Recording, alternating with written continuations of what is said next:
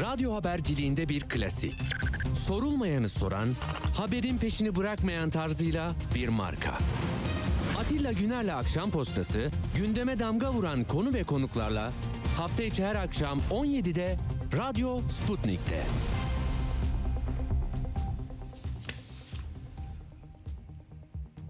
Akşam postasından hepinize iyi akşamlar efendim. 21 Ekim akşamında saatler 17.03 birlikteyiz. Akşam postası başlıyor.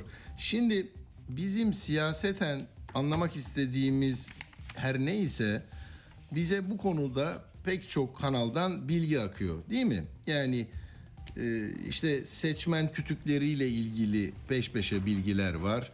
E, Araştırma şirketleri anketler yapıyorlar ve ortaya veriler koyuyorlar. Bunları yorumlayan siyaset bilimciler var. Sizler çarşıda, pazarda, alışverişinizde, ticaretinizde karşılaştıklarınızdan karşılaştırmalı bir sonuç çıkartıyorsunuz. Ya dün böyleydi, bugün böyle. E ne olacak? Nasıl bir Türkiye? Kimlerin e, talip olduğu ortada. E, ve böyle bir e, şeyin içinde sürprizlere açık yeni yeni e, gündem maddeleri var. Yani transferler, değişiklikler, küçülmeler, büyümeler siyaseten hani milletvekili transferleri, e, mesajlar o e, siyasi e, yapının yanlış ve bozulmaya yüz tuttuğunu söyleyerek başka bir kampa geçen milletvekilleri var. Şimdi konu biraz oraya doğru gidiyor. Galiba çetin geçecek, sert geçecek. Hani Güneş Motel olayı Türk siyasi tarihinde bambaşka bir şeydi. Ee, işte Ecevit'in zamanında 11 mi- e, milletvekili katılarak bir hükümet oluşturdular. Ee, o acı bir e, dönemdi hakikaten yani transferler vesaire. Şimdi de işte Hatay Belediye Başkanı da diyor ki bana dediler e, gel Hatay'ın Hatay'ın her şeyini sana bağlayacağız. Ne demekse yani gelir gider başbakan mı atıyorsun Hatay'a? E, işler biraz karışık. Mehmet Ali Çelebi'den tutun işte diğer cenahta da e, Fakı Baba'nın gelişi, Oktay Vural'ın adları geç, Oktay Vural'ın adı geçiyor şu aralarda. Şimdi bir bakalım e, yazarlar ne diyor, ne olur? Buna itiraz eden e, en büyük e, ses şeyden çıkmıştı. Adalet ve Kalkınma Partisi'nin hatta transferleri engelleyelim, anayasaya madde koyalım, geçemesin, işte bir dönem seçildiği yerden öbür tarafa gidemesin diye. Ama şimdi hem kendileri yapıyorlar hem de e, yani serbest, isteyen istediğini yapıyor. Benim dikkatimi çeken şu oldu, birkaç kişi e, diyor ki e, daha artacak bu ve çok sürpriz etkisi e, göreceksiniz, şaşıracaksınız. MAK araştırmada mesela Mehmet Ali Kulat demiş ki AK Parti'den ayrılmak isteyen bazı isimler bana gelip görüş sordu. Sadece İyi Parti için değil DEVA ve Gelecek'e de önümüzdeki günlerde geçişler olacak. Şimdi bunu önlemek için olağanca gücüyle bir set çekiyor. Barikat kuruyor iktidar partisi o belli. Çünkü böyle bir konuda yalpalayan olduğu zaman hemen onun e, bundan çok zararlı çıkacağına dair parti yöneticilerinin dönem dönem açıklamaları olmuştu. Hani yap da görelim, git de görelim der gibi.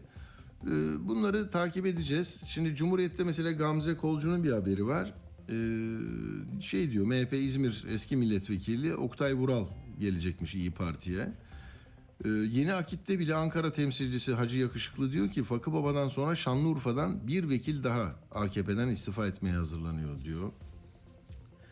Şimdi e, bunlar ne sağlayacak? Hani sizin üzerinizde bir etki edecek mi? Yani psikolojik üstünlük bizde demek için e, herkes böyle bir şey yapabilir. Hani Fenerbahçe Galatasaray bile transfer sezonlarında çok ismi geçen önemli bir forveti almak için işte aldık, kaçırdık. Eskiden hakikaten öyle arabaya koyup götürüyorlardı ya.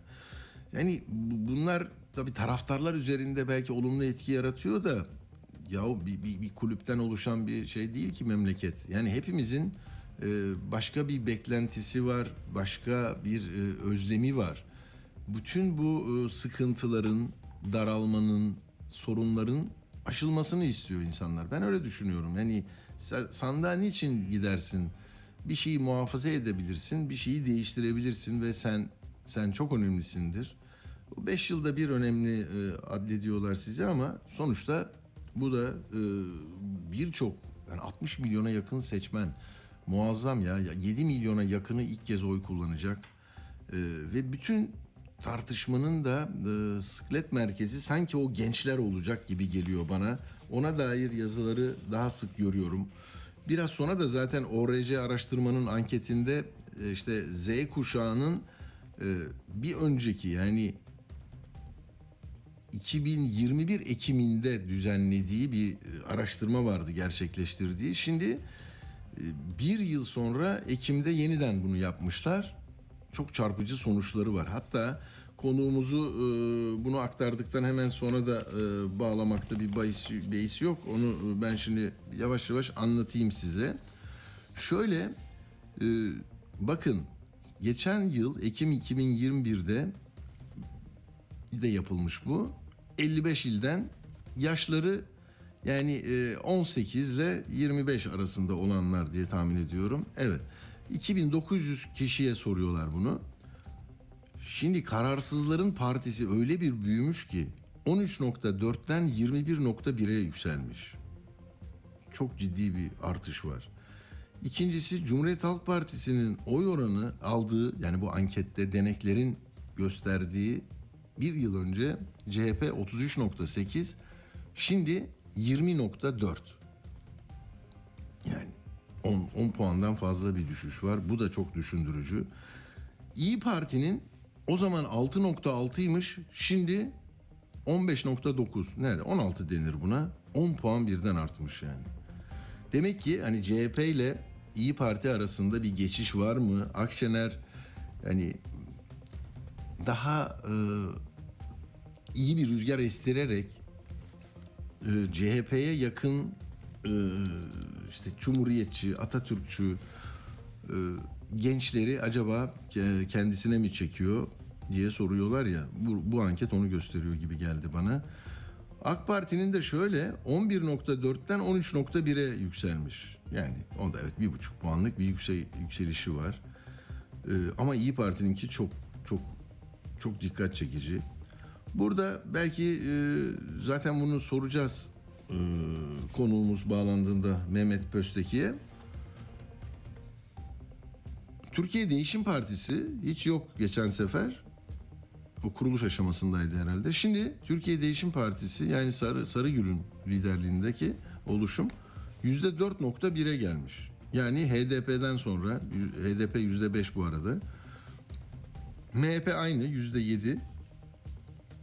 Acaba o videolar mı etkili oldu bilmiyorum. Gençler hani şakalaşıyor falan ya. e, böyle el sıkışıyor. Hani Hasan Celal Güzel gibi esprili işler yapıyor. Bundan mıdır bilmiyorum. Onu da sorarız. Sonra Bağımsız Türkiye Partisi yani Haydarbaş'ın ölümünden sonra oğlunun götürdüğü bir parti. O da 1.6 görünüyor. Yani yeniden refah 1.2. İlginç. Ee, Bunlar gençlerin tercihleri olarak dikkat çekici. Biz de bunların e, nasıl bir e, anlam içerdiğini, nasıl çözümlememiz gerektiğini e, konuşacağız. Arkadaşlarım Mehmet Bey'i tamam ben o zaman bağlantıya kadar bir iki notum daha var onları söyleyeceğim. O da Erdoğan'ın uçakta söylediklerine biz çok dikkat çekeriz ya. Gelin ona bir bakalım. Şöyle ya dün işte biz ilk haber yaptık. Çok üzerinde de durduk. İşte 5-10 çocuğu var, 15 çocuğu var PKK'nın siz de yapın diye. Hani kamuya açık değil ama mikrofona açık olan bir diyalogtu bu. Zaten oradan da şunu söyledi e, pek çok kesim. İşte bu arka planında zihinsel zihinsel olarak arka planda muhafaza ettiği bir yaklaşım Kürt nüfusu kastediyor diyenler oldu. Şimdi onu sormuş Abdülkadir Selvi. Diyor ki Kürtlere yönelik söyledi dediler. Kürtleri mi kastettiniz diyor hani PKK dediği için. Cevap onunla ilgisi yok. Ben her zaman açıkça açık açık en az 3 çocuk diyorum zaten. Ya o sorulmadı ki. Yani kimlerin şu kadar çocuğu var lafını kimin için söylediniz? Soru bu. Diyor ki benim gizli bir politikam değil ki. Böyle bir şey hiçbir zaman gizlemedim. Ya onu biliyoruz. O soru değil ki. Orada da söylediğim çok açık ama onların istismarı bitmez. Onların istismarına cevap yetiştirmeye de gerek yok. Yani orada uçağa bindiğiniz zaman soruları cevap almak için değil, aydınlanmak için değil, bir e, eksikliği tamamlamak için bilgiye ulaşmak m, amacıyla değil tamam mı? Sadece yani karşı taraf bunu böyle söyleyecek sen de bunu soru şekline getir diyorlar herhalde. O da böyle. Yani bir daha hamle eden yok. Hep söylüyoruz ya hani gazeteciler böyle bir soru bir soru daha. Mehmet Ali bir anda bakın dünyanın bütün o siyasetçileri soru yağmuruna tutan e, gazeteciler, yayıncılara bir bakın. Yani tatmin olmadığınızda, açıklığa kavuşmadığında susar mısınız ya? Susuyorlar. Yani zaten yeter benim oyunum bu kadar deyip geçiyor gidiyor. Ee, bir de şu laf herhalde bu seçimlerde Adalet ve Kalkınma Partisi'ne ve parti liderine biçilmiş yeni bir gömlek var. Muhafazakar devrimci. Hani muhafazakar demokrat diye yazılmıştı eskiden kitabı vesairesi. Şimdi bunu bir gençlik örgütü karşısında duruyordu gençlik kolları. Onlara demişti sizin gibi muhafazakar devrimcilere güveniyorum 2023 için. Şimdi de daha önce de dedi ben muhafazakar devrimciyim. Senin devrimciliğin nereden bilmiyorum dedi Kemal Bey'e. Şimdi bunu bir daha söylüyor. Ee, nedir bu diye soruyorlar. İşte menfaatlerimizi her şartta koruyan yanımız, yanımızla muhafazakarız. Her alanda devrim niteliğinde adımlar atan, dünyada zulme ve adaletsizliklere itiraz eden yanımızla da devrimciyiz. Bak, gördünüz mü? Yani dünyadaki zulme ve adaletsizliklere itiraz eden yanımızla devrimciyiz. Bu da çok önemli. Şimdi bakanlar mesela memleketlere gidiyorlar, il, il, vilayetlere gidiyorlar. Bütün konuştukları o. Diyor ki bak diyor buğday yoktu dünyada diyor. Nasıl diyor oradan Ukrayna ile Rusya savaşırken biz araya girdik. Ayağımıza geldi herkes. Çünkü biz böyle bir ülkeyiz. Bakın oradan bunu sağlıyoruz. Dünyada e, Erdoğan liderliği diye bir şey var artık diyorlar. Yani Türkiye ile ilgili ilgi ilgisini bağını kopartıyorlar anlatırken. Hani o One Minute'daki hadiseye benzer bir şey üretmeye çalışıyorlar ama bence zemin çok mümkün değil buna. Yani dünyadaki zulme ve adaletsizliklere itiza, itiraz eden yanımızla devrimciyiz. Ee, manevi milli değerlerimizi tavizsiz koruyan yanımızla da muhafazakarız. Yani devrimciliği Türkiye şartlarında yerli ve milli sınırlar içinde yaptığınızda hani e, düşünce açıklama hürriyeti, ifade hürriyeti değil mi? Temel hak ve hürriyetlerin daha geniş olması beklenir. O olmuyor. Uçaktan size e, bu kesiti vereceğim ama Diyarbakır'a giderken de neler oluyor bir süre e, sonra onlara tekrar döneceğim. Şimdi dediğim gibi ORC anketinin anlattıklarını anlamamız lazım. O yüzden e, Sayın Mehmet Pösteki de e, ORC Genel Müdürü hattımızda. Mehmet Bey merhaba hoş geldiniz. Merhabalar, iyi yayınlar. Çok teşekkürler. Şimdi siz tam bir yıl sonra yaptınız. Ben de ikisini karşılaştırarak az önce e, bir takdimde bulundum. Şu ilgimi çekti tabii. Kararsızların 13.4, %13.4'ten %21.1'e çıkışı ile birlikte şunu e, da ekleyerek acaba e, değerlendirebilir miyiz? Cumhuriyet Halk Partisi'nde %10'luk bir kayıp, İyi Parti'de de ona yakın bir yükseliş var. Bu ee, belki ikiye ayırabiliriz tabii de e, bunları çok kıymetli görme eğilimindeyim. Siz ne diyorsunuz? Şöyle, teşekkür ederim. Ee, tabii gençler e, liderlerle alakalı e, sürekli beyanatları okuyorlar, açıklamalara bakıyorlar. Ee, son zamanlarda, son zamanlarda e, iktidarın tekrar e, gündemi belirlemesiyle birlikte e, işte sosyal konut projeleri olsun, o olsun, bu olsun, fısıltılar, işte yakında şu çıkacak, bu çıkacak fısıltıları. Evet. Ee, seçmen tabii ki e, altılı masa liderlerine, muhalefet liderlerine güvenmek istiyor. Z kuşağı da aynı şekilde. Ee, ama e, biraz da kendini düşünüyor, ekonomisini düşünüyor, e, mevcut günlük şartlarını düşünüyor. Bu kararsız oranının e, ben biraz daha artacağını düşünüyorum açıkçası. Hmm.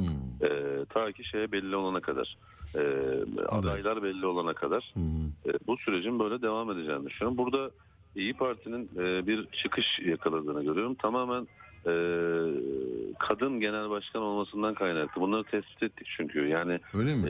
e, E, alt soruları mı var bunların Mehmet Bey? Yani bir Evet, alt, alt başlıkları oluyor. E, tabii tabii E, liderlere e, bakışlarını da ölçüyoruz. Yani kanaatlerini de ölçüyoruz.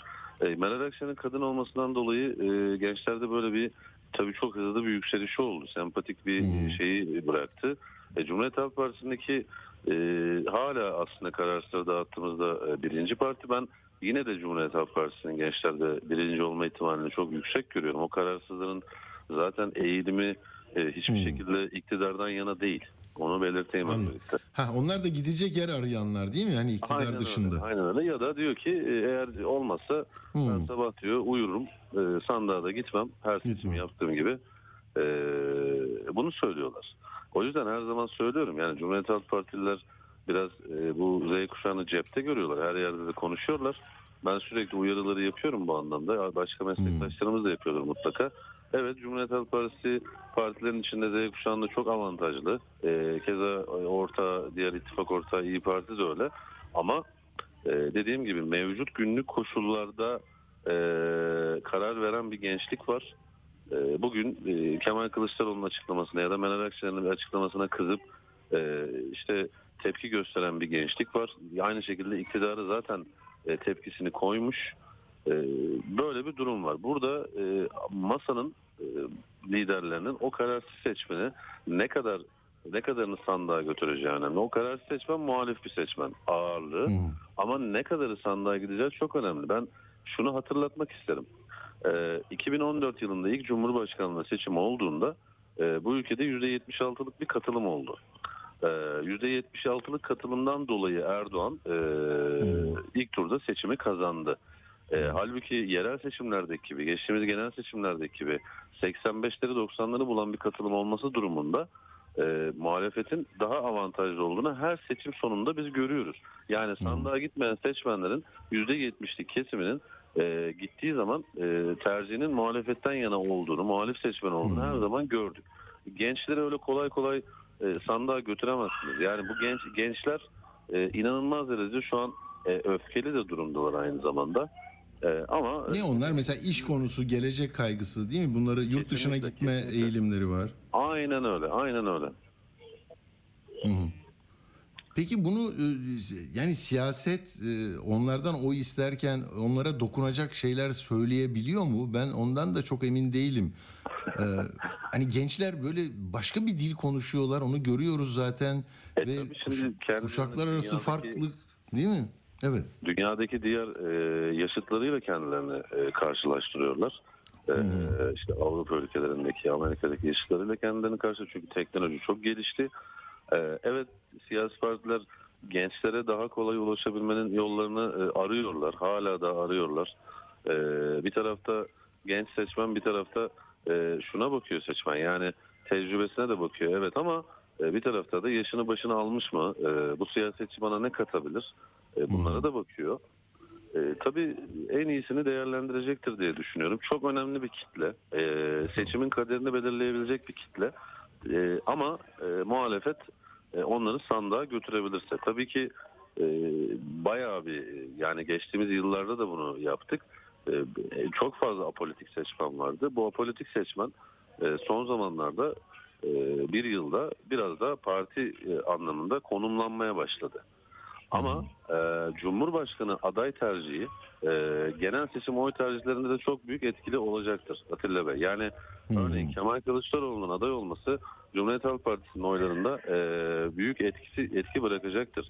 E, bunun gibi yani bu aday meselesi o yüzden çok önemli. Sadece Gizey kuşağı için söylemiyorum bunu.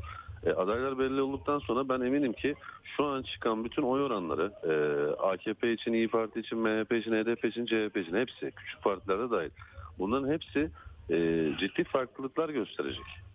Ciddi farklılıklar gösterecek. Bugün mesela sahada baktığımızda e, tabii bu oran biraz azalmaya başladı ama örneğin Kemal Kılıçdaroğlu aday olursa biz Erdoğan'a oy veririz diyen e, çok sayıda muhalif seçmen e, ne şahit oluyoruz. Ya Ama bu, bu- bunu bu- biraz açar mısınız? Burada hangi sahikle hareket ediyorlar? Yani onun e, şeyi değil değil mi? Yani inanç dünyasıyla ilgili, kimliğiyle Hayır, ilgili hayır, hayır. değil. Hayır. Hayır. Nasıl şey tarif yok. ediyorlar? Çünkü bu tartışılıyor şimdi bakıyorum ben hani e, altılı masanın dost cephesinden de böyle eleştiriler gelmeye başladı. Hı hı, hı. E şöyle şimdi insanlara e, bir kere bir beklenti oluşturuldu. En başta bunu söyleyeyim. Buradan başlamak lazım. Nedir bu beklenti? Mansur Yavaş ve Ekrem İmamoğlu. İki belediye başkanının ismi iki sene önce öne atıldı. Hatta yerel seçim biter bitmez bunlar e, öne atılmaya başladılar bu isimler. Bu belediye başkanları kendileri yapmıyor elbette bunu. Ve toplumda ciddi anlamda bu insanlarla ilgili beklenti oluştu. Bakın ne kadar anket yaparsak yapalım e, e, Mansur Yavaş'la e, Ekrem İmamoğlu'nun oranı hemen hemen aynı çıkıyor. Yani bugün e, birine Mansur Yavaş olsa e, Erdoğan karşısında oy verir misiniz sorusuna evet cevabı veren insanlar genelde Ekrem İmamoğlu'na da evet diyor. Ama bu isim Kılıçdaroğlu olduğunda buradaki Hmm. e, işte milliyetçi seçmen e, İyi Parti'nin içindeki e, hatta Cumhuriyet Halk Partisi'nin bile içinde e, bazı gruplar var bu anlamda. Evet. Ve de Kemal Kılıçdaroğlu'nun seçimi kazanamayacağına yönelik bir inanç var Atilla Bey. Ya bu çok artmaya başladı Mehmet Bey. Herhalde sonunda böyle masadan çıkacaksa Babacan ve Akşener diyenler artmaya başladı. Çok ilginç şeyler yaşayacağız Akşener herhalde. çok artıyor. Akşener ismi çok söyleniyor. Tabii ki e, Sayın Akşener'in e, kararıdır bu. Yani o denklemden, e, Cumhurbaşkanlığı denkleminden e, çıkmış olması e, tabii İyi Parti'nin oylarına da zarar veriyor. Yani böyle bir tarafı da var bu işin. Çünkü Evet. insanlar şu anda partilerle değil direkt liderlerle e, yani Cumhurbaşkanlığı Tabii. seçimiyle alakadar. E, Masadakiler bunu görüyorlar. Ve biz de zaman zaman e, raporlarımızı sunuyoruz, sunumlar yapıyoruz, sohbet ediyoruz. Yöneticilerle de, kurmaylarla da hepsiyle. Gö- Bunu görüyorlar. Bir önlemini mutlaka e, alacaklardır kendi partileri açısından. Ama e, Kemal Kılıçdaroğlu açısından söylüyorum bunu. E, toplumda e, oy oranı karşılığıyla psikolojik e, karşılık aynı değil. Yani mesela Hmm. e, bugün sorduğumuzda e, insanlara evet e, mecburum yani benim partim onu destek örneğin iyi Partili bir seçmen. Partim Kemal Kılıçdaroğlu'nu destekliyorsa ben de desteklerim diyor. Bir kısmı kızıyor diyor ki ben vermem. E tabii ki bunlar düşer mutlaka. E, ama psikolojik üstünlüğe baktığımızda meclisteki çoğunluğun artık iktidarın elinden gittiğini bugün iktidar e, mensupları dahi kabul ediyor. Fakat Cumhurbaşkanlığı noktasında ne zamanki Kılıçdaroğlu'nun artık e, iyice e, ön plana çıkmaya başladı. O günden beri e, Erdoğan'ın e, popülaritesi, e, gündem belirlemesi ve de Erdoğan'a eğilim tekrar artmaya başladı. Sorduk. Yeni buradan da verisini e, paylaşmış olayım. Erdoğan'la e, işte Kılıçdaroğlu e, veya herhangi bir adayla kıyasladığınızda ne olur diye soruyoruz. E, kesinlikle diyorlar o Erdoğan'ın karşısındaki aday kazanır ama Kılıçdaroğlu ile Erdoğan e, yarıştığında e, ne olur diye soruyoruz o psikolojiyi ölçmek için. Erdoğan'ın avantajlı olduğunu söylüyorlar. Bunu binlerce e, seçmen bu şekilde söylüyor. Psikolojik üstünlük bu işlerde çok önemli. Erdoğan artık sahaya çıktı. E, aynı şekilde ittifak ortağı MHP de e, sahaya çıktı. E, ve de şu anda uzun zamandan beri altılı masadaki liderler gündemi belirliyorken yani şu işte Kemal Kılıçdaroğlu'nun bu çıkışları e, devlet kurumlarına gidip e, baskın vermesi e, işte İyi Parti'nin bir takım çalışmaları esnaf ziyaretleri bunlar e, biraz hareket getirmişti ama ekonomik krizin artmasıyla birlikte e, bu durum biraz daha değişmeye başladı. Şimdi sokakta, kahvede, berberde, orada, burada, takside herkes acaba iktidar e, ne açıklayacak diye bekliyor. Muhalefetin bu konudaki tedbirleri nedir diye beklemiyorlar açıkçası. Böyle bir durum var. Anladım. Çünkü Orada önce bir çözüm arıyor vatandaş. Ve de insanlar istikrar e, istikrardan yana e, bir tavır sergilerler. Her zaman bu böyle olmuştur. Örneğin esnaf. E, şimdi önümüzdeki birkaç ay içerisinde esnafın işleri düzelmeye gittiğinde esnafın büyük bir bölümü, bugün veryansı neden esnafın büyük bir bölümü e, diyecek ki ya daha yeni işlerim toparlandı. E, hiç sakata girmeyelim biz şey yapmayalım. E, iktidara verelim. E, Veya emekli e, e, kartını taktığında yine aynı şekilde orada bir şey gördüğünde işler düzelmeye başladı gibi düşünecek. Çünkü AK Parti bunun e, şeyini çok iyi yapabiliyor. Şöyle e, bir şey e, tespit ettik.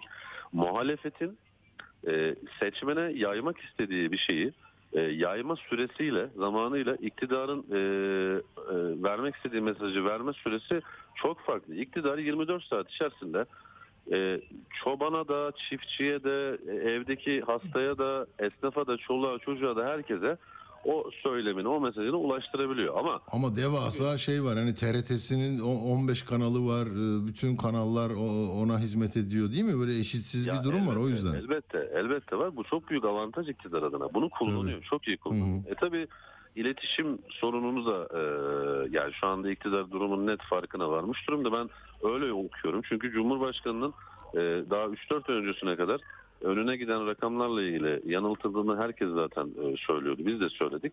Ama son dönemde biraz bu işleri e, şey yaptığını yani tespit ettiğini, durumun farkına vardığını ve ona göre hamleler yaptığını e, görmeye başladık. Bu da zaten oylarında hareketlilik getirmeye başladı. Ama yine de avantaj masada ve masa liderlerinde e, bu durumu da artık e, kendileri e, tespit edeceklerdir. Bir çözüm Anladım. bulacaklardır. Son olarak bir 3-4 dakikam var Mehmet Bey. Ee, Şu dikkatimi çekti. Mesela bir önceki araştırmanızda hiç e, görünmeyen Türkiye Değişim Partisi, Sarıgül Partisi aslında o da çok böyle lider eksenli bir şey görüntü veriyor. Ama böyle esprili videolar yapıyor. Gençler biraz ona mı e, önem veriyor? Yani ulaşmış mı ona? Buna bağlı olarak bir de mesela Türkiye İşçi Partisi hani genç e, yani sol cenahın eski partisi şimdi genç 2-3 milletvekili var. Bir heyecan yaratmaya çalışıyorlar. Çok hararetli konuşuyor genel başkan. Onlara bir şey hiç e, ölçülebilir bir de- değer çıkmıyor mu? Teknoloji e, günümüzün çağımızın en büyük silahıdır. Teknolojiyi iyi kullanan, görselliği iyi kullanan liderler bir şekilde e, oya dönüştüre, dönüştürenler de var, sempati toplayanlar da var. Bakın e, Mustafa Sarıgül gibi, Hüseyin Baş gibi isimlerin bugün bir genç, normal bir genç, bu bahsettiğimiz gençler hiç görmüyorlarsa telefonlarında günde beşer kere görüyorlar. Ve bu insanların Hüseyin Baş'ın geçmişi neymiş, Mustafa Sarıgül neymiş bunlar hiç umurlarında değil. E, gayet e, sempati besliyorlar ve de çıkıyor o gün e, diyor ki ya bu adama ben bu adama oy vereceğim diyor. Cem Uzan e, geçtiğimiz günlerde e, haftalarda şeye çıkmıştı. E, Oğuzhan e, Evet. Uğur'un programına çıkmıştı. İnanın o günlerde bir anket e, geçti elime. Yani e, gençler arasında özellikle ya bu adama verilebilir mi acaba diye e, konuşmalar başlıyor. Yani bu gençler e, geçmişe göre hareket eden insanlar değiller. Teknolojiyi Mustafa Sarıgül, Hüseyin Baş gibi e, e, daha oranı küçük olan partiler çok iyi kullanıyor. Ve de bu da e, bir şekilde sempati toplamasına ve oy toplamasına neden oluyor. Tabii bu gençler yarın e, daha başka bir yerde bir e, kutuplaşma meydana gelir. E, oraya yoğunlaşırlar. Yani şu an için tablo bu. Anladım. O işçi partisi konusunda hiç böyle e, görünür bir hali oluyor mu? Hiç oldu mu sizde bilmiyorum ama ben işçi Genel partisinin biraz böyle tabii yansıyor. çekiyor. Bazı il- illerde de yansıyor. Ee, ama e, dediğim gibi biraz da e, bu bahsettiğim teknoloji konusunda e, çağa ve zamana, günümüz şartlarına ayak uydurmalarını e, tavsiye edelim buradan. E, İşçi Partisi e, ismini e, bugün e, Türkiye'nin neresinde sorarsanız sorun böyle bir partinin varlığından haberdar o zaten insanlar. E, Ama e, bunu teknolojik manada e, biraz da e, iyi kullanmaları gerekiyor. Daha fazla seçmene ulaşabilmeleri için. Yoksa siz seçmenin telefonuna, siz seçmenin bilgisayarına ya da izlediği ekrana o mesajı gönderemezseniz ilk söyleyen onun oyunu kapar. Yani seçmenin algıları bu şekilde. Özellikle bazı yaş gruplarının. Anladım. Son bunu da bir arkadaşımız soruyor. AK Parti içindeki kopmalar e, şeyi etkiler mi? Seçim e, anketlerde yansır mı ya da seçime bir etkisi olur mu bu pazar seçim olsa? AK Parti'nin içerisinde çok fazla siyasetçinin e, cesaret edemeden edemeyip e, şu anda işte bu zamana kadar istifa etmediği e, gibi e, laflar dolaşmaya başladı. Ben sayısını bilemem ama AK Parti'nin içinde çok fazla huzursuzluk, e, huzursuz olan e, siyasetçi, bürokrat vesaire insan var. Önümüzdeki süreçte bunların devam edeceğini düşünüyorum. Bu AK Parti'ye evet zarar verir. Verir Ama kısa. parti olarak zarar verir. Cumhurbaşkanlığı noktasında dediğim gibi olaylar çok bambaşka ilerliyor. Seçmenin e, algısı bambaşka değişiyor. Bu, bu nedenle aday e, çok önemli. Burada e, biraz işler şeye doğru gidiyor açıkçası. Tekrar 2018'deki bir liderler yarışına e, dönebilir. E, ben birden fazla. önümüzdeki süreçte Meral Akşener'in de bu konuda o denklemin içine gireceğini düşünüyorum. E, tabii ikinci turda da artık kim ikinci tura kalırsa e, gibi bir tabloyla karşılaşabiliriz. Anladım. İkinci tur olabilir. Bakalım neler göreceğiz. Çok teşekkür ediyorum. ORC Genel Müdürü Mehmet Pösteki sağ olun efendim. İyi günler. Sağ olun. Evet böyle konuşacağız. Daha dediğim gibi e, yani şöyle bir e, aklımdan ne geçti? Kaç hafta sonu kaldı seçime diye. E, yani ne oluyor şimdi bir saniye? E, evet. 30 e, 30 hafta falan yani 30 haftadan da 25 hafta sonu geçecek ha. Yani 25 kere bir plan yapacaksınız. Hani bu cumartesi şuraya gideyim buraya falan diye 26'ında 25'inde e, sandıklar belki daha erken de olabilir. O kadar şey yani e, kı- süre o kadar daraldı ki hani her hafta sonu bir miting yapayım deseniz e, işte yani 25 tane yaparsınız. iki günde yaparsanız 50 de 50 yaparsınız. Hafta içi de oluyor gerçi ama hani daha çok insanı toplamak için bu kadar daraldı e, zaman onu söylemek istedim. Peki şimdi biz İstanbul Barosu'nun seçimlerine her dönem ben e, ilgi gösteririm. Çok geniş bir katılım oluyor büyük bir e, yapı e, 60 bine yakın 55 bin galiba en son bildiğim o e, üyesi var avukatlar e, kendilerine en iyi olanı seçmek için oturuyorlar. Yani Türkiye'de tabii barolara da sen birinci ol, sen ikinci gel bakalım baş edemedikleri için bir de iki nolu barolar çıktı. Sonra iki nolu baroya en yetkili ağızlar hadi siz biri geçin artık ya dendi. Böyle de bir yarış e, var yani bölünme, kamplaşma var ama kendi içlerinde de işte biz baro deyince bir tek baro biliyoruz. Numara yok önünde İstanbul Barosu o.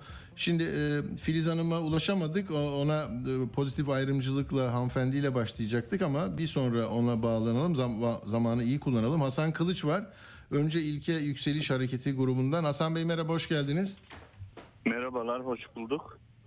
Evet, siz tabii birkaç kez de seçimlere katıldınız. Şimdi daha iddialı hazırlanıyorsunuz. Sloganınız ne?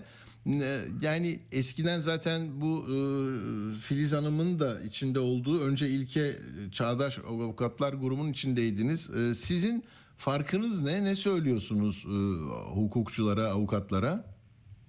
Evet, biz birlikte kazanacağız diyoruz. Şu anda sloganımız bu. Ee, ve e, şu anda aday olan meslektaşlarımızdan e, belli sayıda kişiler aynı bizim gibi bir daha öncesinde başkan adayı olmuş meslektaşlarımız. Gökhan Ay, yine Mehter Bey, yine Filiz Saraç da aynı şekilde geçmişte aday olmuştu. Başkan adayı olmuştu. Biz tabii e, öncelikle Çağdaş Avukatlar Grubu Yükseliş Hareketi olarak mücadelemize devam ediyoruz. Bu değerleri taşıdığımızı, özümsediğimizi düşünüyoruz. Özellikle tabii meslek sorunları yönünden az sonra değiniriz ama temel değerlerimiz, e, kurucu felsefe, ilke ve değerlerimizin büyütülmesi aslında hukuk devleti e, ve Cumhuriyet hukukunun korunması avukatlar için ortak değerler. Dolayısıyla bu alandaki çalışmalarımızı baronun geçmişinden genlerinden gelen mücadeleci yapısını e, bu dönemde de yansıtacağız. Baromuzun gücü gür çıkacak muhakkak. Ha, ya bu noktada aslında sadece sizin e, baroya kayıtlı avukatların meselesi olmaktan da çıkıyor bir memleket meselesi haline geliyor. Çünkü Türkiye hukuk meselesinde, adalet konusunda değil mi? Yargı e, bağımsızlığı konusunda e, çok sıkıntılı bir süreç yaşıyor. Burada da herhalde e, sizi izleyenlerin sayısı daha çok artacak. Tabii İstanbul Barosu e, bu ülkenin pusulası. Dolayısıyla e, rolü yatsınamaz. E, kamuoyu açısından, toplum açısından, bireylerin hak ve özgürlüklerinin korunması açısından, hukuk devleti mücadelesi açısından İstanbul Barosu üzerine düşen görevleri yerine getirmesi gerekir. E, geçmişte aynı şekilde biz baro yönetiminde görev aldık. Dört dönem boyunca e, yönetim kurulu üyeliği yaptık. En alt biriminden en üst birimine kadar her alanında görev aldık. Dolayısıyla çok ciddi bir tecrübemiz var. E, bu tecrübemizi e, gençlik enerjisiyle, dinam, dinamizle e, tabii e, fa- farklı bir şekilde avukatların gücünü hissedeceği, avukatın yanında olacak bir mücadele alanına yansıtmak istiyoruz. İstanbul Barosu sizin dediğiniz gibi her açıdan önemli. barolar tabi bu rolleri mevcut. İstanbul Barosu her zaman güçlüye, güçlünün hukukuna boyun eğmeyen, biat etmeyen yapısına devam edecektir. Biz bu süreçleri baromuzu yönettik. Bunları biliyoruz. Yakın zamanda özel yetkili mahkemeler sürecinde e, bu tavırlarımızı hepiniz biliyorsunuz gösterdik. E, Birçok soruşturma da geçirdik o dönem. Sırf bu süreçler yüzünden yargılandık, bedel ödedik. Yine ödememiz gerekiyorsa ödeyeceğiz. Bu bir yönü toplum açısından, hak arayışı, hak mücadelesi açısından. Bir de tabii güçlü bir savunmaya ihtiyaç var. Meslektaşlarımız çok ciddi sorunları söz konusu. Bugün genç meslektaşımızdan kıdemli meslektaşımıza kadar bu sorunlar mevcut. Biz bunu bir yönetim modeli olarak oluşturduk. Aslında bir çöküş var. Bunu yeniden inşa etmek istiyoruz. Ve burada hepsini başlıklar halinde ayırdık. Genç meslektaşlarımızla ilgili örneğin gençlik meclisini oluşturacağız. Komisyon ve merkezlere katılım engelini ortadan kaldıracağız. Bölge temsilciliklerini farklılaştırıyoruz. Buralarda meslektaşlarımıza, genç meslektaşlarımıza ve kadın meslektaşlar açısından eşitlenmesi açısından çok önemli görev vereceğiz. Yani katılımcılığı sağlayacağız. Kıdemli meslektaşların da tecrübesinden yararlanacağız. Ee, Onları onarı edeceğiz. Fikir alışverişi Sizin başka gruplarla bir ittifak da yaptınız mı Hasan Bey? Böyle başka e, seç... danışma kurulunu oluşturacağız. Şimdi şöyle birçok e, çağrı yapıldı. Biz de meslektaşlarımıza çağrı yaptık. Tüm meslektaşlarımızı aslında e, bekliyoruz bu mücadele içerisine. Bir arada platformu bize desteğini açıkladı. Gruplar üstü bir çalışma. Özellikle tabii bu, bunu farklı şekilde bazen yansıtıyorlar. Gruplar üstü bir çalışma ve bu çalışma, bu destek şunu amaçlıyor. Aslında ayrışmayı, dağılmayı, çoklu baro sürecinde yıpranan yapıyı, yani herkesin bir anlamda dağılıp e, birçok sayıda baro ortaya çıkmasının önüne geçilmesi, yozlaşmanın yıpratılmanın önüne geçilmesi ve güçlü bir baro sürecinin oluşturulmasını amaçlıyor. Burada bütün gruplardaki meslektaşlarımıza çağrımız var. Hepsi açısından mücadele etmek istiyoruz. Biz tabii şunu özellikle vurguluyoruz. Biz e, görev aldığımız süreçte grubumuzun felsefesi, manifestosu, anlayışı ortada. Biz Cumhuriyet din hukukunu koruyacağımızı, ilke ve devrimleri yaşatacağımızı, sahiplendiğimizi, sonuna kadar koruyacağımızı belirtiyoruz. Bu şemsiye bir çatı, herkes kapsayan, kucaklayan, ortak değerlerin olduğu bir çatı, hukuk devletinin güçlü savunmayı içinde barındıran bir çatı. Dolayısıyla bu çatı meslektaşlarımızı içine alması gerekir.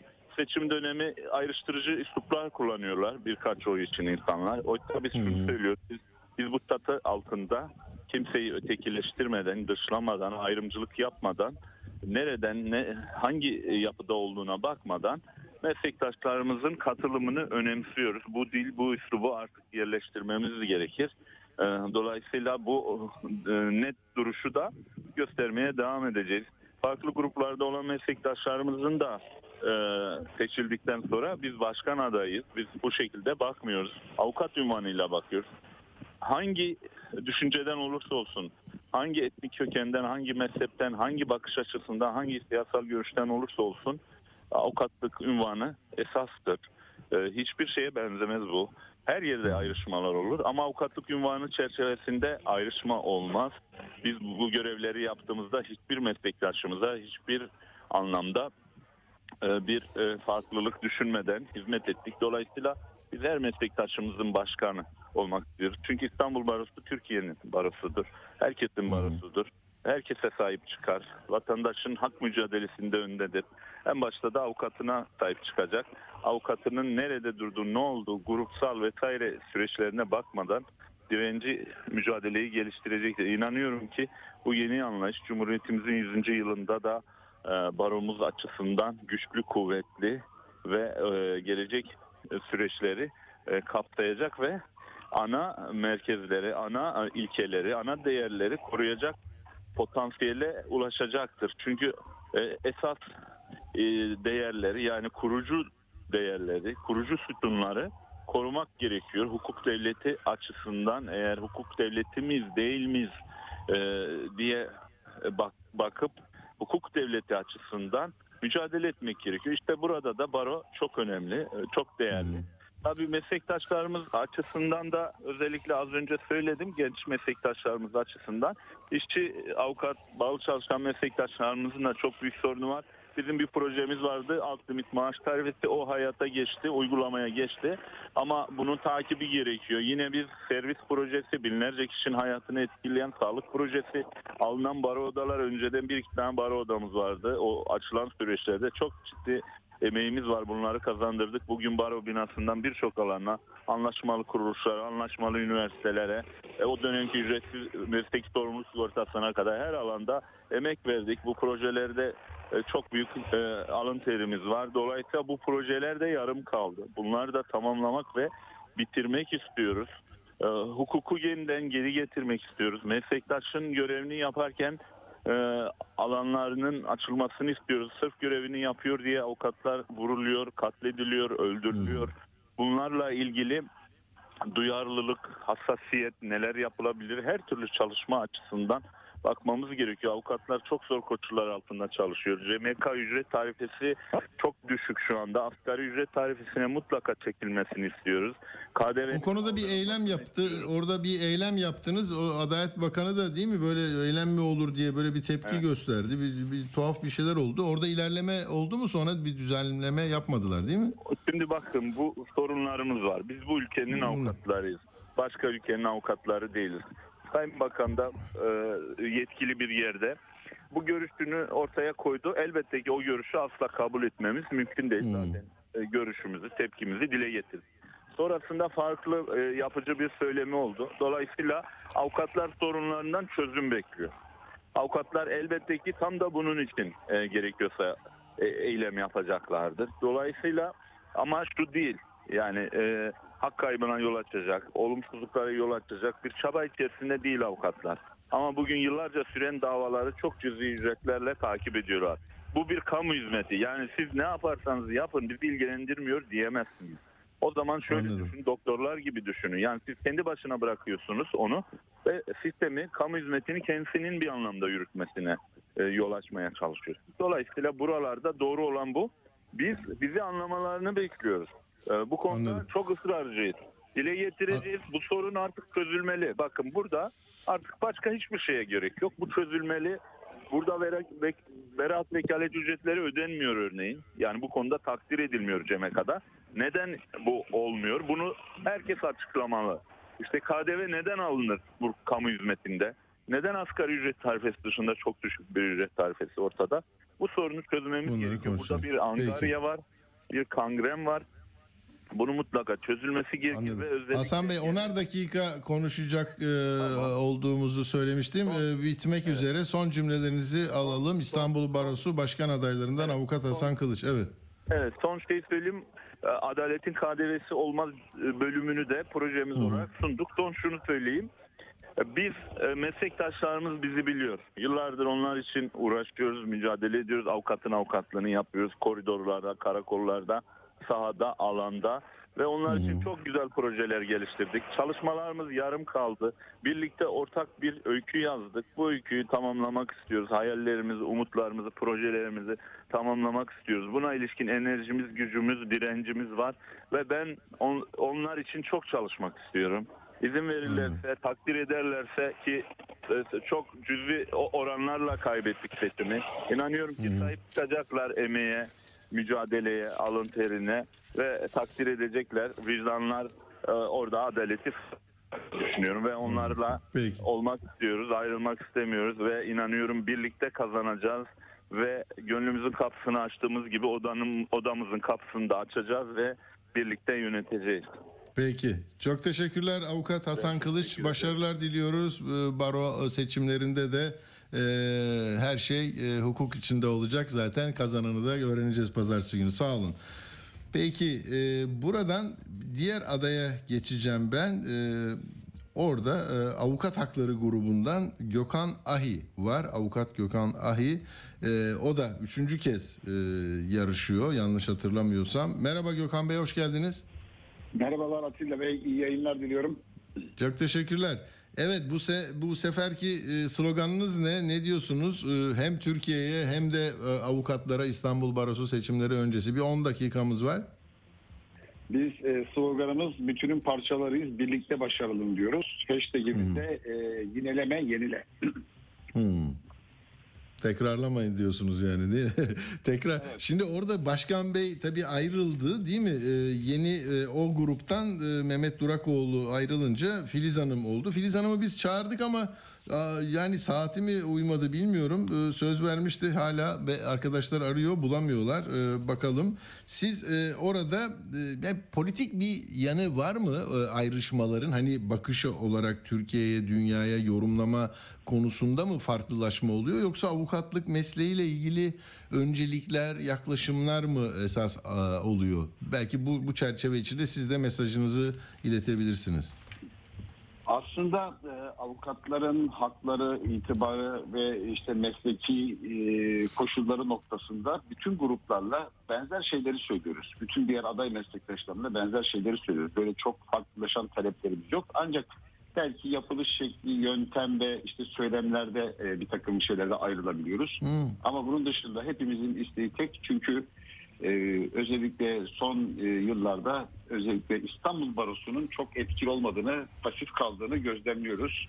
Bu da e, yıllardır derinleşen avukatlık e, meseleleri, sorunları anlamında, e, kronikleşen sorunlar anlamında bir çözüm üretmiyor ne yazık ki. Biz de hep beraber bu çözümleri üretelim, e, daha aktif, daha etkin bir baro e, oluşturalım diye bu yarışın içerisindeyiz.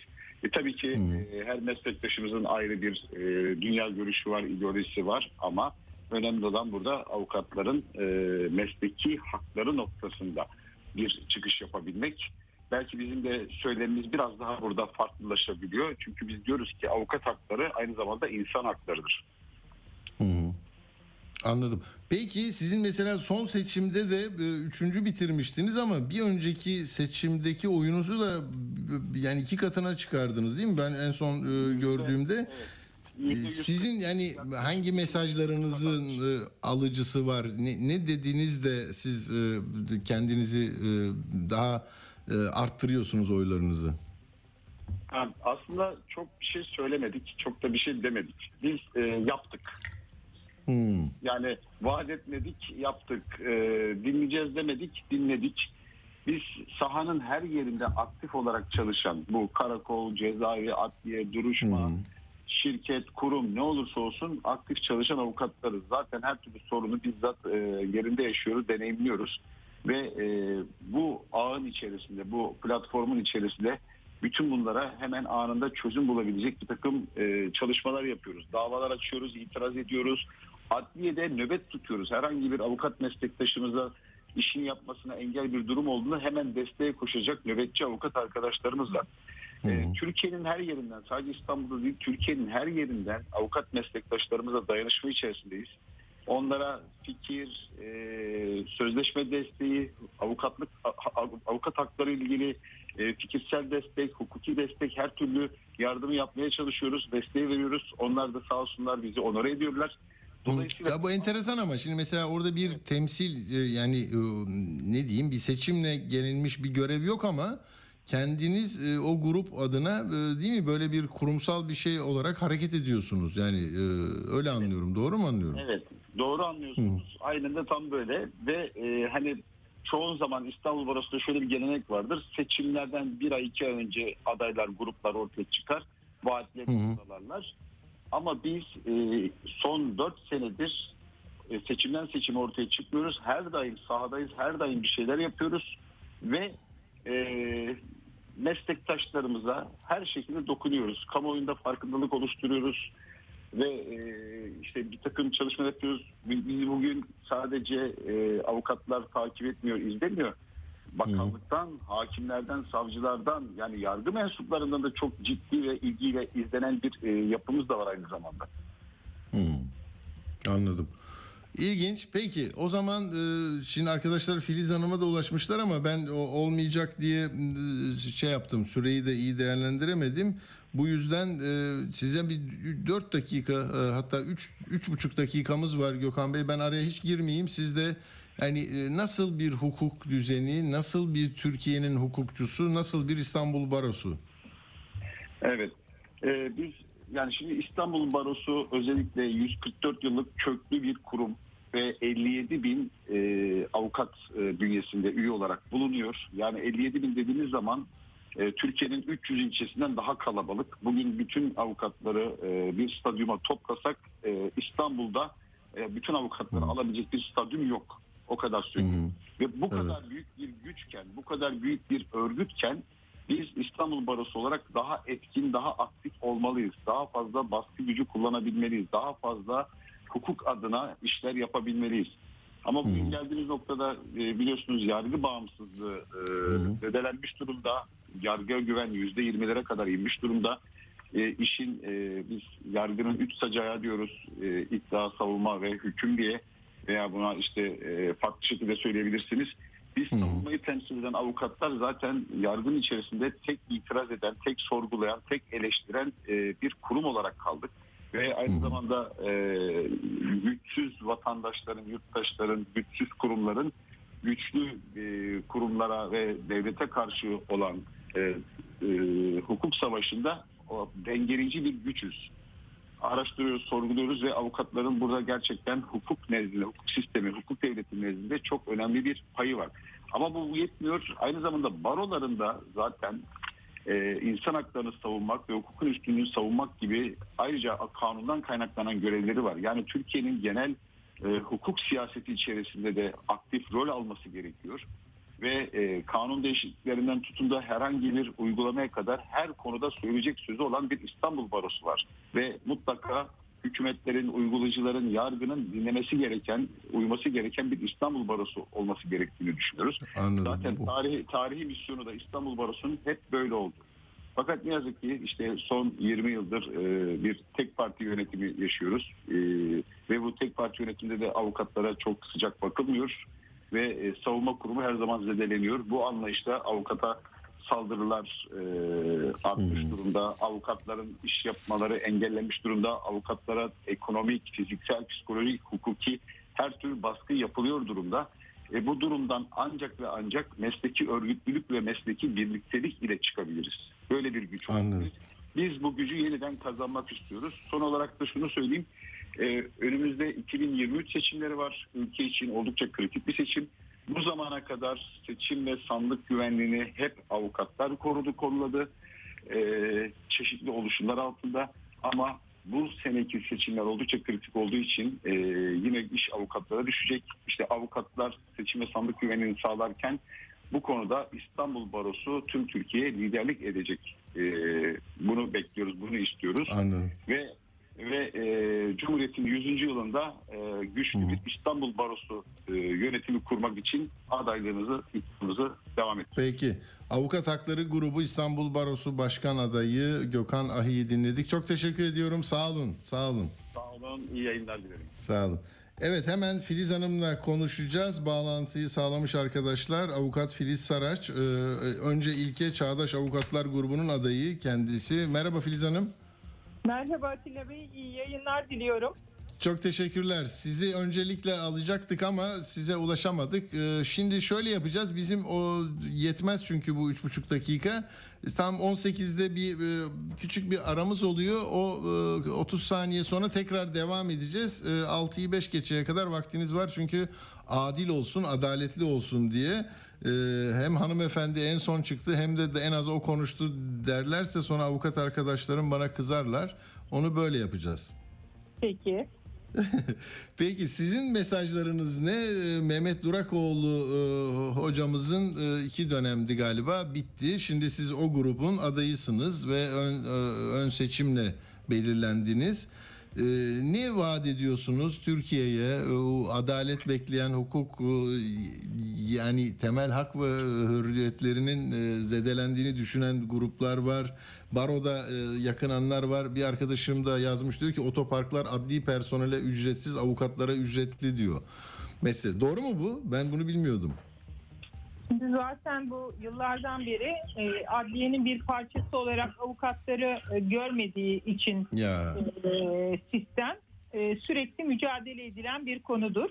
E, adalet, adliyelerde genellikle hakim, savcı ve adliye personelinden ibaretmiş gibi düşünülür ve avukatların Ya. iş yerlerinin kendi ofisleri olduğu düşünülür. Halbuki e, işlerini yaptıkları yer e, avukatların, vatandaşların savunma haklarını yerine getirdikleri yer adliyelerdir. E, biz e, anlattığımız gibi bir- önce İnce Çağdaş Avukatlar Grubu'nun ben kurucularındanım. 97 yılından e, beri e, grubumuz e, var. 2002 Hı hı. yılında seçimleri kazandı ve dediğiniz üzere uzun süreden beri e, İstanbul Barosu yönetiminde. Bu yıl 12 yıl aradan sonra bizlerin de talebiyle e, grubumuzda ön seçim yapıldı. E. Başka bir kadın aday arkadaşımla, e, meslektaşımla e, yarışarak e, mevcut grupların içerisinde e, tam anlamıyla ön seçimi yapan grubuz diye düşünüyorum ve bunu önemli bir farklılık olarak görüyorum. E, yasa bir kere İstanbul e, Barosu'nun tarihine baktığınız zaman hep hak ihlalinin gelmiş olduğu e, parti kim olursa olsun iktidardakilerin hak ihlali yapanın iktidar olması nedeniyle çünkü gücü elinde bulunduran olması nedeniyle e, hep bir e, hak savaşçısı olarak görürsünüz İstanbul Barosu'nu. Aslında bu da bulunduğu döneme göre çeşitli şekillerde kendini gösterir. Bu dönemde de parlamenter sistemden uzaklaşılıp bir başkanlık sistemi adı altında kuvvetler ayrılığından koparan bir sisteme yöneltildiği için ülkemiz özellikle yargı bundan çok ağır darbe aldı. Yargı bağımsızlığı her daim bir sorundu ama artık yargı bağımsızlığı yargının e, güveninin son derece e, düşük olduğu bir sisteme daha da güven kaybedildiği bir sisteme dönüştü. Hakim savcı atamalarından tutunuz verilen kararlara kadar e, tartışılır, daha çok tartışılır, daha çok e, yargının bağımlı olduğuna dair düşünceleri e, bütün kamuoyu nezdinde kabullenir hale getirdi maalesef. E, biz Doğru. öncelikle bunu düzeltmekle meşgul olmak zorundayız. Bunun için Peki. Filiz Hanım çok dediğim gibi bir, bir e, 30-40 saniye bir aramız oluyor bizim sonra devam edeceğiz. peki peki.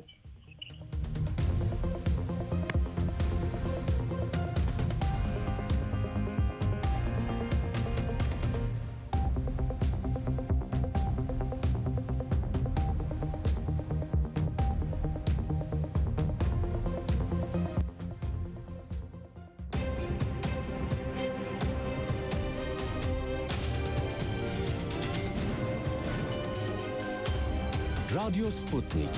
Anlatılmayanları anlatıyoruz. Radyo haberciliğinde bir klasik. Sorulmayanı soran, haberin peşini bırakmayan tarzıyla bir marka. Atilla Güner'le Akşam Postası, gündeme damga vuran konu ve konuklarla hafta içi her akşam 17'de Radyo Sputnik'te.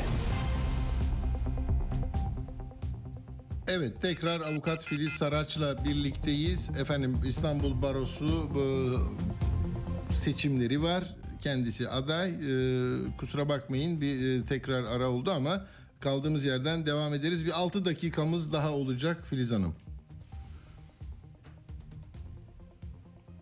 Öyle mi? Hattan düştü galiba. Peki. Ee, Filiz Hanım merhaba. Tekrar e, kaldığımız yerden devam edebiliriz. Evet. Şimdi öncelikle avukatların mesleğinin saygınlığının artırılması noktasında son derece hassasız.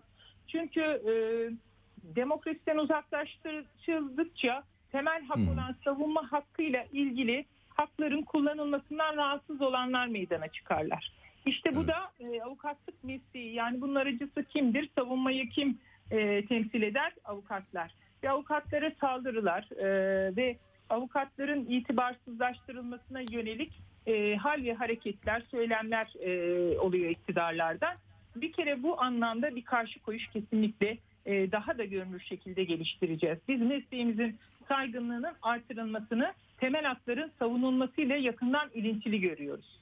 Bir, eğer, eğer avukatlar görevlerini e, hak savunuculuklarını doğru yapamazlarsa bu konudaki kanallar açılmadığı sürece zaten vatandaşın kendi hakkını aramasından söz edilemez. E, bir kere hedef olarak e, birinci hedefimiz bizim bu. Gençleşen bir nüfusumuz var. Avukat meslektaşlarımızın sayısı hem genç hem de gittikçe artıyor.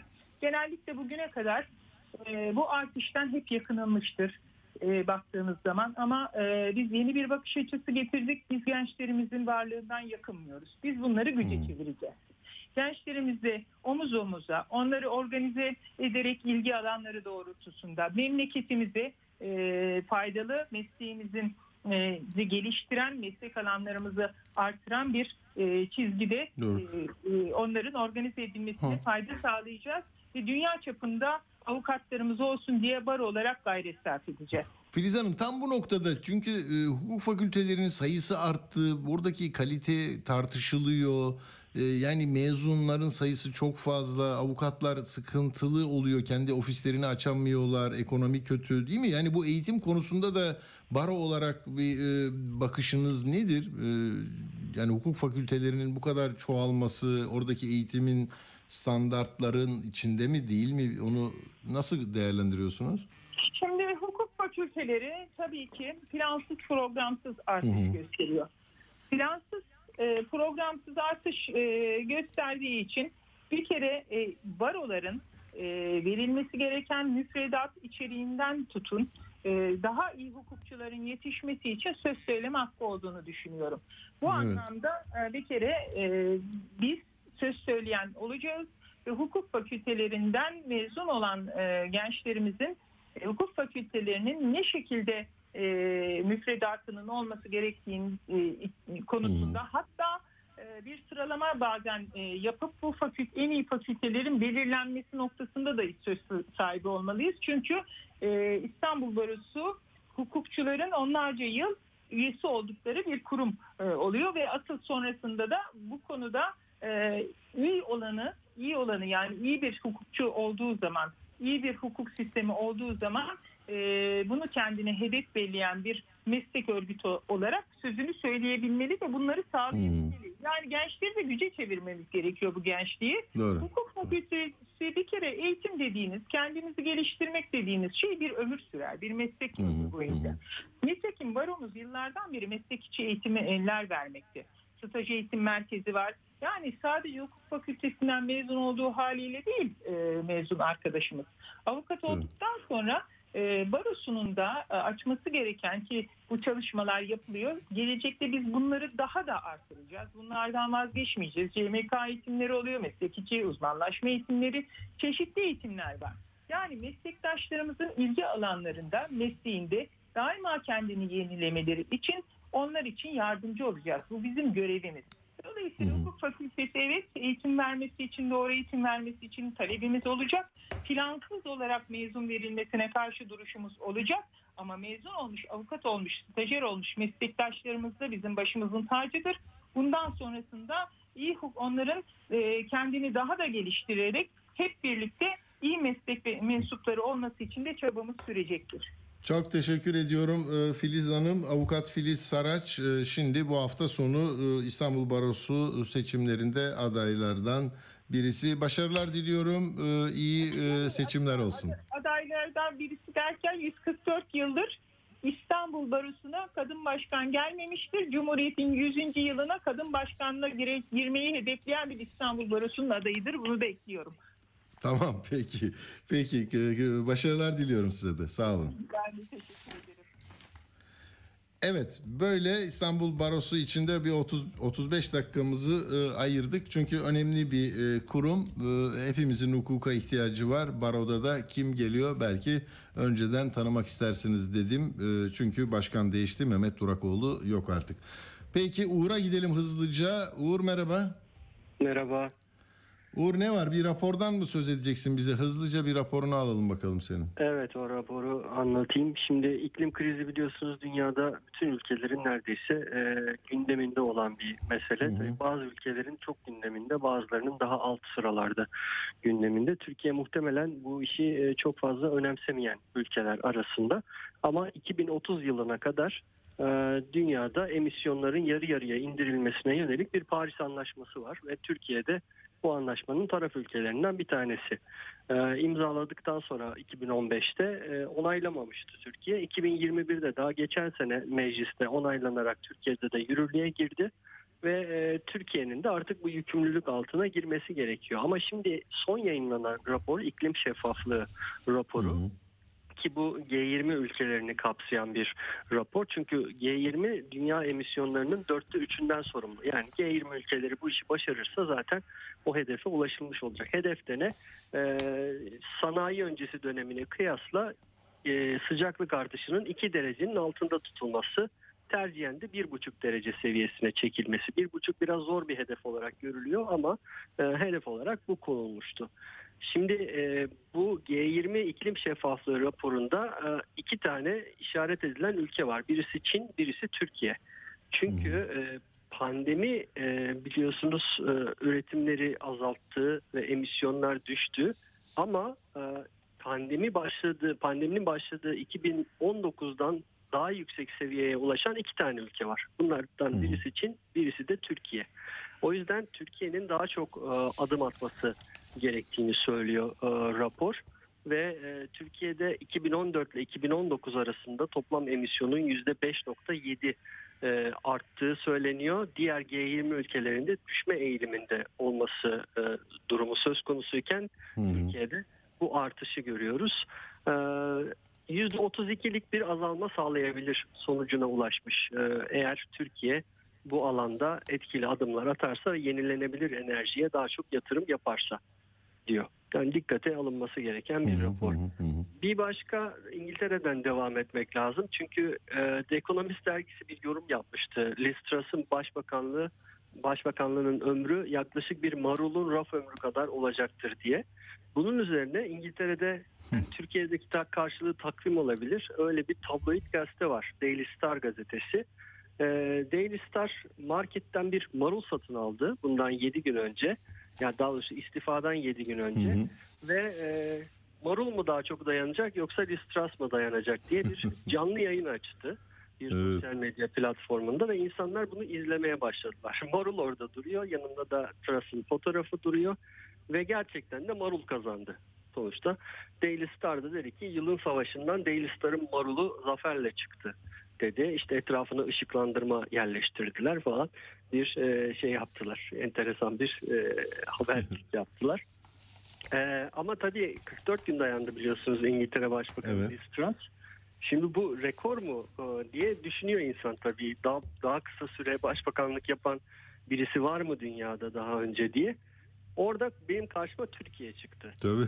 Ahmet Ahmet Fikri Tüzer sadece Hmm. bir gün başbakanlık yapmış ve dünya rekoru Joseph Goebbels'le e, Ahmet Fikri Tüzer'e ait. Çünkü Hitler e, ortadan kaybolunca Goebbels bir günlüğüne başbakan oluyor. Ondan sonra da zaten çocuklarıyla birlikte intihar ediyor. E, Türkiye örneğinde de 1942 yılında Refik Saydam kalp krizi geçiriyor.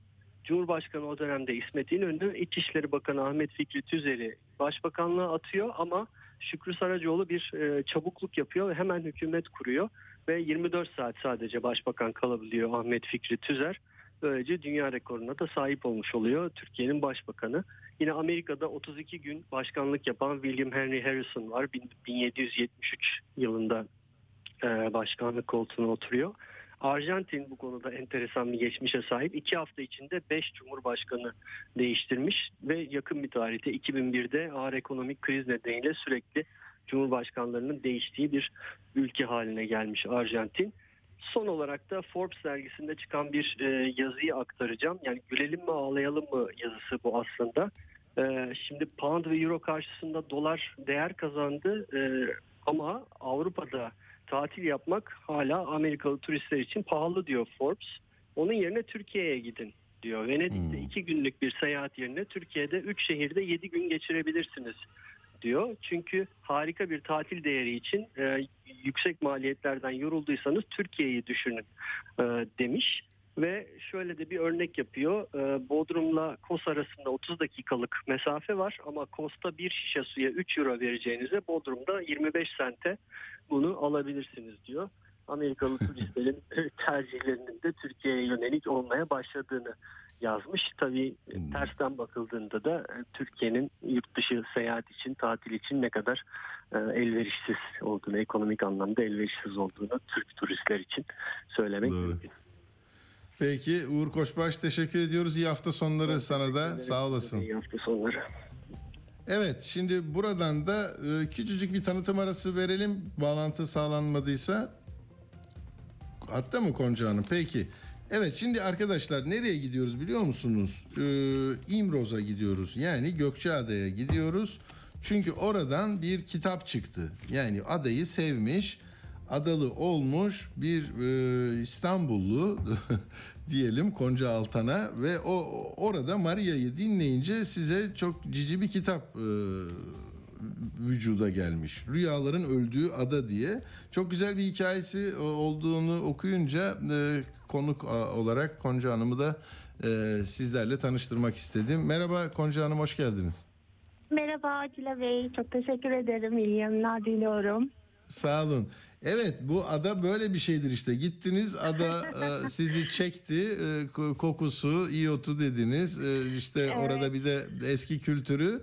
E, o kısaca hani Maria Hanım'ın suskun bir hanımefendiyi nasıl konuşturdunuz? O kitap Evet. nasıl çıktı ortaya onu e, anlatırsanız. E, iletişimden çıkmış değil mi? İletişim evet, yayınlarından. iletişim yayınlarından çıktı evet. Peki. Ee, ben anlatayım kısaca. Biz e, adaya yerleşme hikayemizden sonra adada böyle adanın ruhunun aktığı eski bir sokakta oturmak istedim ben. Oralar çok enteresan gelmişti bana. Bizim e, Maria tam karşımızdaki evde oturuyordu. E, 85 yaşındaydı o zaman. E, Biz o- orada oturduğunu bile bilmiyorduk. Ama komşular beni uyarmaya başladılar. Aman dediler dikkatli ol kimseyle konuşmaz.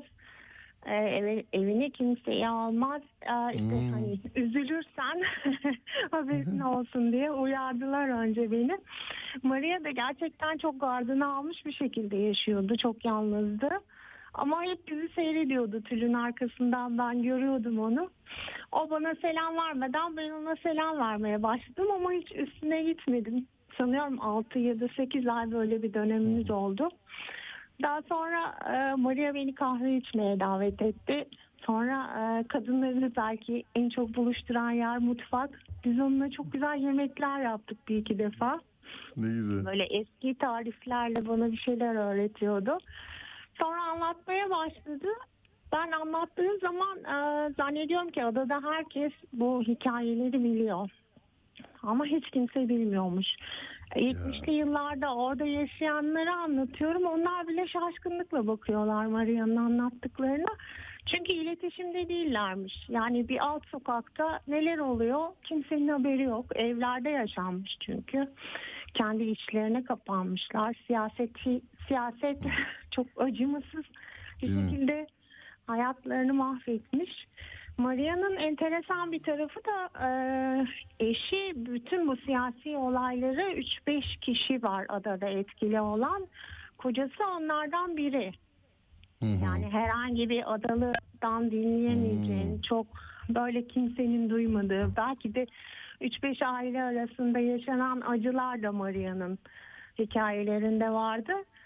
Ben tabii çok e, şaşkınlıkla anlatırken sonra dedim unutmayayım yani not alayım bunları yazmaya başladım. İyi ki de yazmışım. Gerçekten hafıza kötü bir şey unutuluyor hemen. Sonra e, Maria da çok yalnızdı. Ee, Rıza gösterdi ama değil mi? Bunların hani bunca yıl biriktirilmiş hikayenin e, sonunda herkese ulaşacağını biliyor. Yani şöyle bir şey oldu. Önce ben de bilmiyordum kitaba dönüşeceğini bil- bilmiyordum derken yani ben e, siyasi şeyleri anlatırken çok temkinliydi. Asla siyasi bir şey anlatmıyordu. Ama işte beni üzmemek işte arkadaşlarımızın bitmemesi için o dönemde ben onu rahatlattım. Hani siyasi bir bagajım olmadığını, o milliyetçi bir tavırla dinlemediğimi.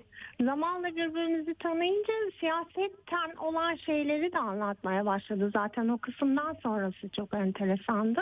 Orada şey değil mi adada hani değişim dönüşüm oluyor Yunanistan'la mesele nedeniyle onlar sıkıntılar yaşıyor. Onlar adaya yeni insanlar Yani geliyor. şöyle, ben çok kısaca anlatayım. Ee, işte 22'de Lozan'la Türkiye'de e, kalıyor ama tamamen Rum nüfus.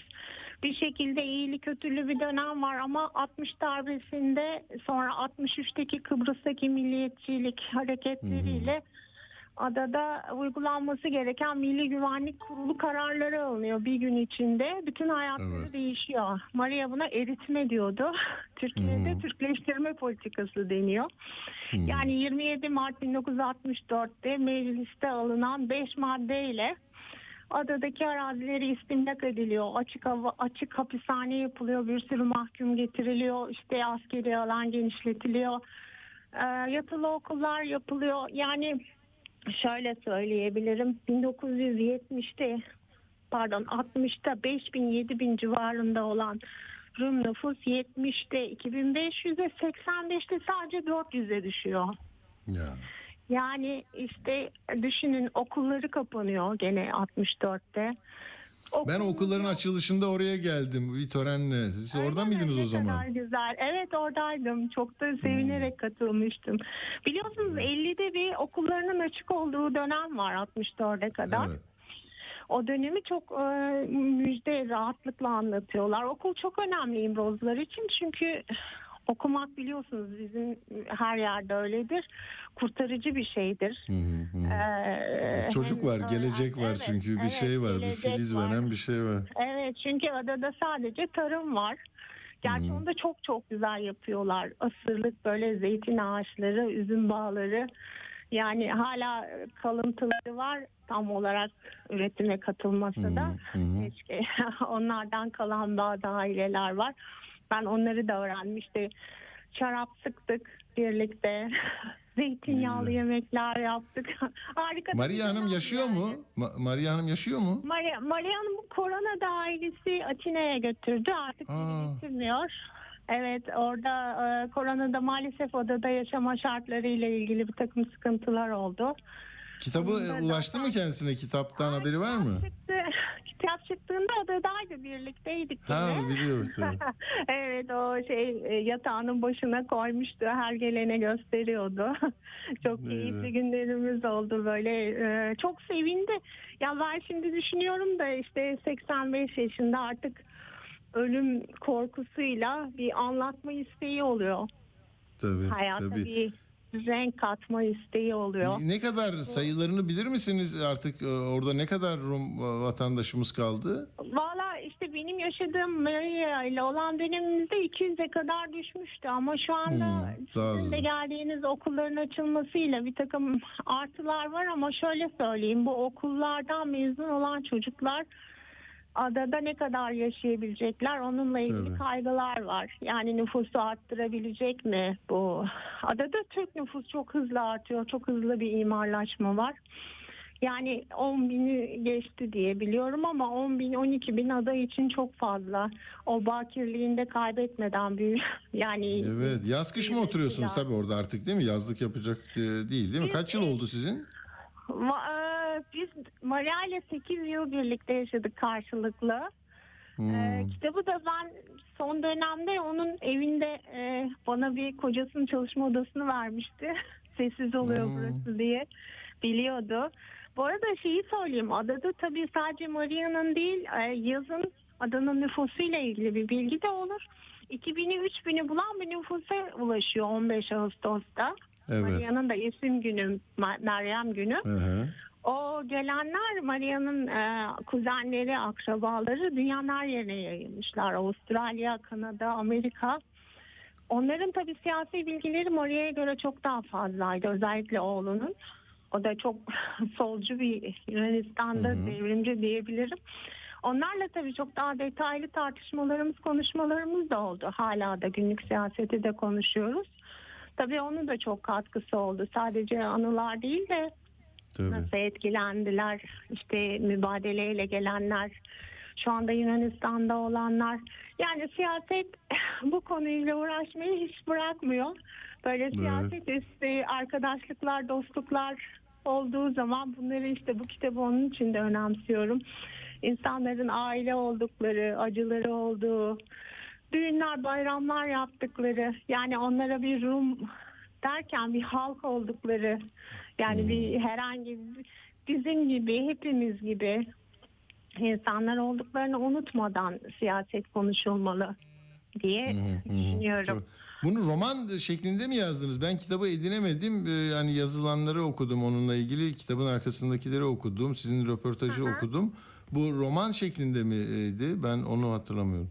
Yani şimdi şöyle e, Maria'nın anlattıkları üzerinden tarihi bir akış var. Maria bana Birinci Hmm. Dünya Savaşı'ndan itibaren anılar anlattı. Annesinin anılarından itibaren. Hı hı hı. Abisi İkinci Dünya Savaşı'nda Yunanistan'da iç savaşın ortasında kalmış. Böyle çok e, enteresan anekdotlarla başlayan bir hikaye. Ama e, ben bu duygular insanlara geçsin diye konuşmalarla bir romanlaştırdım. Hmm. E, Güzel. çünkü böyle daha e, insanları daha kolay okuyup yani siyaset olduğu zaman şöyle oluyor. Acılar yazılıyor. İnsanlar yeterince önemsemiyorlar bunu ama birinin başına geldiğinde bir duygudaşlık olduğunda daha güzel anlaşılıyor diye düşünüyorum. Doğru, Bu- doğru. Yani bu sözlü tarih gibi olmuş da çok kıymetli o açıdan da. Yani yarın bir daha konuşma imkanı olmayacak Maria'nın. Bunları Maria, e, evet.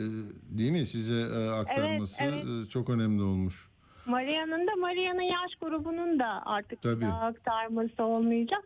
Bir de onlardan olmayan birisi tarafından yazıldığı için de mutlu oldular. Hani bir empatiyle dertlerinin anlatılmasından. Çünkü insanlar kendilerini anlattığı zaman siyaseten biliyorsunuz yanlış da anlaşılabiliyorlar. Özellikle azınlıklar işte şöyle oldu bize böyle oldu dendiğinde farklı da çok da önemsenmiyorlar açıkçası söylemek gerekirse. Ama başka onlardan olmayan birisi empatiyle anlattığında bana hep o yönden gel- geldi. Teşekkürler adada yaşarken de. Öyle söylediler anlayışla. Yani insan kendi derdini anlatamıyor ama sen anlattığın zaman daha çok anladı, anladı insanlar dediler. Çok doğru. Yani üçüncü baskısını da yapmış zaten kitap. Evet, o anlamda e, kıymetli ve e, meraklısı için iyi bir e, şey. Adres. Ben de onun için. Al- Almanca'ya çevrildi şimdi. Öyle Ee, mi? evet Hamburg Üniversitesi'nde etkinliğimiz var. Çok Hamburg güzel. Üniversitesi'nden davet aldım. Yani e, ilgisi devam ediyor evet kitabın. Çok iyi. Onlar Rüyaların öldüğü ada adını söyleyelim Evet, bir daha. evet. Rüyaların öldüğü ada öldüğü ada. iletişimden çıktı. Ee, Evet. Konca Altan'ın e, işte e, Gökçeada'da, İmroz'da e, Maria ile başlayan ama sonra bütün adanın o tarihsel süreçlerini anı şeklinde size ulaştırdığını söyleyelim. Ben de ilk Evet. fırsatta okuyacağım. Çok, teşekkür Çok ederim katıldığınız olurum. için. Ben teşekkür ederim. Çok Sağ teşekkürler olun. ilgi İyi- gösterdiğiniz için. Sağ olun. İyi akşamlar, sağ olun. İyi akşamlar. Sağ olun. Evet böyle yani bir adalı bir adadaki hikayeye merak saldı diye düşünmeyin. Hakikaten e, bunlar Türkiye için e, çok önemli e, dönemler ve onu da böyle yazıyor olmaları insanların çok iyi bir şey. Peki biz burada noktalayalım. Daha da uzatmayayım ben. Sizlere iyi bir hafta sonu diliyorum. Sevgilerimi iletiyorum. Uğur'un, Arda'nın, Halil'in, Necdet'in, Hakan'ın selamlarını da ulaştırıyorum. E, Programların tekrarını e, biliyorsunuz hem Odise'de var hem de e, Telegram'da var. Bunları da kolaylıkla dinleyebilirsiniz. Saatlerimiz değişti diye böyle ben artık e, çıktım bu saatte dinleyemiyorum diye e, şey yapanlar, şikayetlerini iletenler de var ama ne yapalım biraz çaba harcayacağız e, ve birbirimizi bulacağız. Hadi bakalım iyi akşamlar olsun. Atilla Güner'le Akşam Postası sona erdi. Radyo haberciliğinde bir klasik. Sorulmayanı soran, haberin peşini bırakmayan tarzıyla bir marka. Atilla Güner'le Akşam Postası gündeme damga vuran konu ve konuklarla hafta içi her akşam 17'de Radyo Sputnik'te.